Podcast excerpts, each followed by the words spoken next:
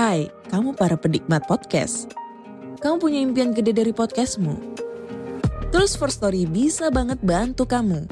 Mulai dari F-Link, Dynamic Audio Insertion, sampai statistik yang komprehensif. Semua ada di First Story. Gak ketinggalan kamu bisa monetisasi podcastmu lewat iklan dari First Story Ads yang bisa kasih kamu penghasilan dari setiap place podcastmu. Yuk gabung sekarang dengan klik di firststory.me. Sekali lagi, klik di firststory.me. Mari kita bawa mimpi podcastingmu menjadi kenyataan. Hai semuanya, podcast ini saya hosting di Fear Story. Kalau kalian belum pernah dengar Fear Story, ini adalah platform baru yang paling lengkap dan mudah untuk membuat, mendistribusi, dan mengelola podcast kamu. Nah, jadi Fear Story itu bisa kamu gunakan 100% gratis. Kamu bisa mengupload episode terjadwal dan mendistribusikan podcast kamu di semua platform podcast di Indonesia. Fear Story juga menyediakan customer service yang berisikan podcaster berpengalaman kamu bisa share podcast kamu tanpa ribet dengan F-Link yang akan mencakup semua link platform kamu dan sosial medianya.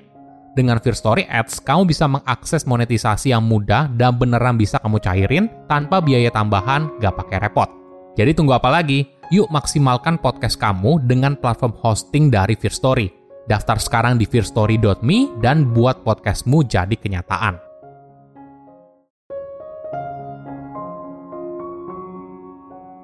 Bukan hanya anak kecil yang butuh merasakan hal baru. Ketika kamu dewasa, merasakan pengalaman baru merupakan bagian penting untuk pengembangan diri. Mungkin saja tidak semua pengalaman ini berakhir menyenangkan, dan ini adalah hal yang wajar. Namun, jangan jadikan ini sebagai alasan untuk berhenti. Halo semuanya, nama saya Michael. Selamat datang di channel saya, Sikutu Buku. Kali ini saya akan bahas kalau hidup itu butuh pengalaman baru tidak peduli umur kamu berapa. Ini merupakan rangkuman dari video TED Talk Kenneth Cabot yang berjudul Why Your Life Needs Novelty No Matter Your Age dan diolah dari berbagai sumber. Pengalaman baru ibaratnya merupakan bumbu dalam kehidupan, mulai dari cara kita menjalani rutinitas harian hingga bagaimana kita berinteraksi dengan dunia. Sesuatu yang baru memegang peranan penting dalam meningkatkan kepuasan hidup. Ketika kita merasakan sesuatu yang baru, otak kita memproses informasi secara berbeda dibandingkan saat kita memproses informasi yang familiar. Di momen itu, otak kita melepaskan dopamin, sebuah neurotransmitter yang memiliki peran kunci dalam hal motivasi, kesenangan, dan penghargaan. Dopamin memberikan kita rasa senang saat kita mencoba hal baru, yang membantu kita mengingat dan belajar dari pengalaman tersebut. Sebelum kita mulai, buat kalian yang mau support channel ini agar terus berkarya, caranya gampang banget. Kalian cukup klik subscribe dan nyalakan loncengnya. Dukungan kalian membantu banget supaya kita bisa rutin posting dan bersama-sama belajar di channel ini. Apakah ada hal baru dalam hidupmu belakangan ini? Sehari yang lalu, seminggu yang lalu, sebulan yang lalu? Mungkin saja ada masanya kau merasa hidup begitu membosankan, menjalani rutinitas harian tanpa ada sesuatu yang baru. Bahkan ketika kita sibuk sekalipun, kita mungkin saja masih terjebak melakukan hal yang sama. Riset membuktikan ketika seseorang punya banyak variasi dalam kehidupan sehari-hari, maka mereka cenderung lebih merasakan perasaan positif. Riset lain juga menyimpulkan hasil yang serupa.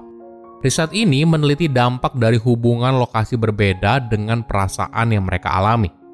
Peneliti menggunakan GPS untuk mengamati pergerakan para responden. Hasilnya, responden yang sering kali berpindah-pindah dan sering mengunjungi tempat baru melaporkan skor yang tinggi dalam aspek perasaan positif, misalnya senang, gembira, kuat, rileks, dan penuh perhatian. Saking pentingnya sebuah pengalaman yang baru, banyak penelitian menjelaskan hal ini sebagai prediksi seseorang berumur panjang. Ketika seseorang yang usianya sudah tua ditanya soal pengalaman hidup, mereka sering kali berbicara soal pengalaman pada usia antara 15 hingga 30 tahun. Bahkan beberapa penelitian mengatakan kalau itu merupakan waktu dalam hidup seseorang di mana mereka banyak merasakan pengalaman baru. Ada beberapa teori yang menjelaskan fenomena ini.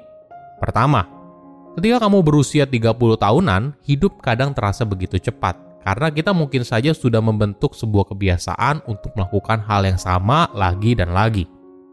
Alasan lainnya karena ada beberapa pengalaman yang memang muncul ketika kamu berusia 30 tahun ke bawah. Misalnya begini, ketika kamu berusia 15 tahun, kamu mungkin sudah berada di SMA.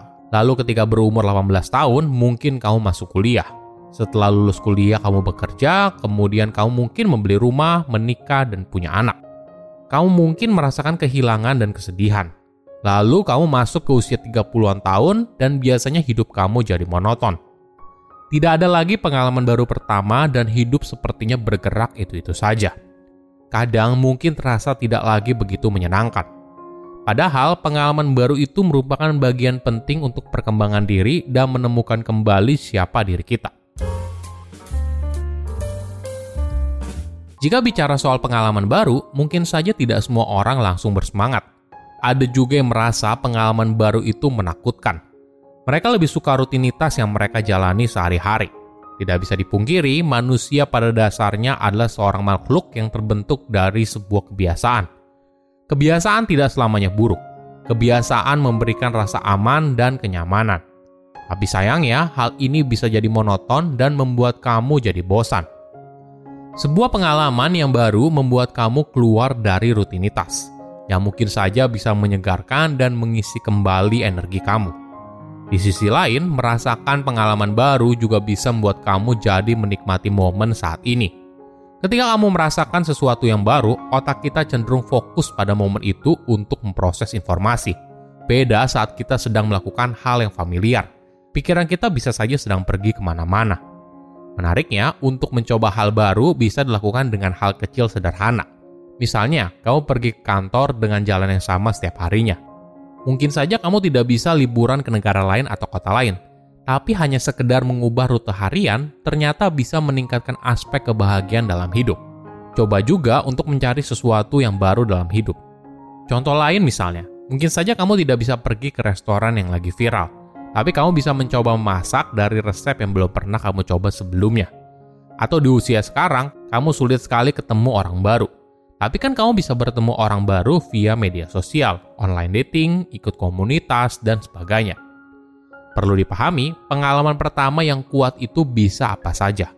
Ini semua tergantung niat. Tidak perlu sesuatu yang mahal atau memulai sesuatu yang besar. Yang penting, kau perlu penuhi dua syarat. Pertama, lakukan sesuatu yang belum pernah dilakukan tapi sebenarnya kamu ingin melakukannya. Yang penting di sini, tidak peduli apa pun yang kamu pilih, misalnya mencoba bungee jumping, belajar bahasa baru, ganti gaya pakaian, dan sebagainya, perlu ada tingkat risiko tertentu yang menyertainya. Ini yang akhirnya memunculkan keberanian. Misalnya, kalau kamu belajar bahasa baru, kamu butuh keberanian untuk berbicara dengan bahasa yang sama sekali tidak kamu pahami sebelumnya. Kedua, ubah lingkunganmu dan cobalah untuk lebih berani. Misalnya kalau kamu suka nyanyi, mungkin selama ini kamu hanya karaoke dengan teman-teman terdekat atau hanya bernyanyi di kamar mandi. Nah, sesekali cobalah iseng maju ke atas panggung saat ada pertunjukan live music di sebuah cafe. Beranikan diri kamu untuk membawakan sebuah lagu. Tidak ada yang tahu bagaimana pengalaman ini bisa membawa kamu ke masa depan. Tentunya pengalaman baru tidak selamanya menyenangkan. Kadang pengalaman baru bisa saja zong, itulah resiko yang harus kita terima untuk merasakan sesuatu yang baru. Misalnya, ketika kamu pergi mencoba resto yang viral, eh ternyata masakannya keasinan atau ngantrinya hingga berjam-jam. Ada beberapa tips menarik yang bisa kamu praktekkan. Pertama, mengakui perasaan yang muncul.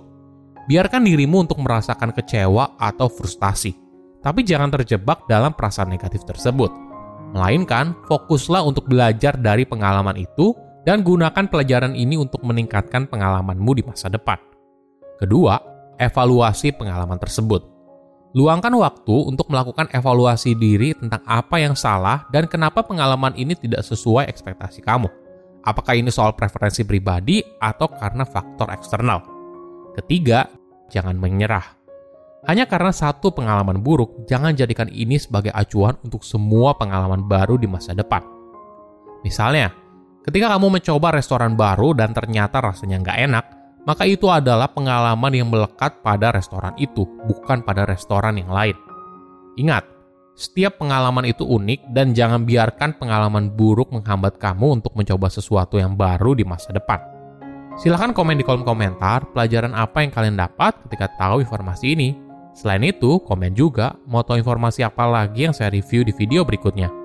Saya undur diri, jangan lupa subscribe channel YouTube Sikutu Buku. Bye-bye.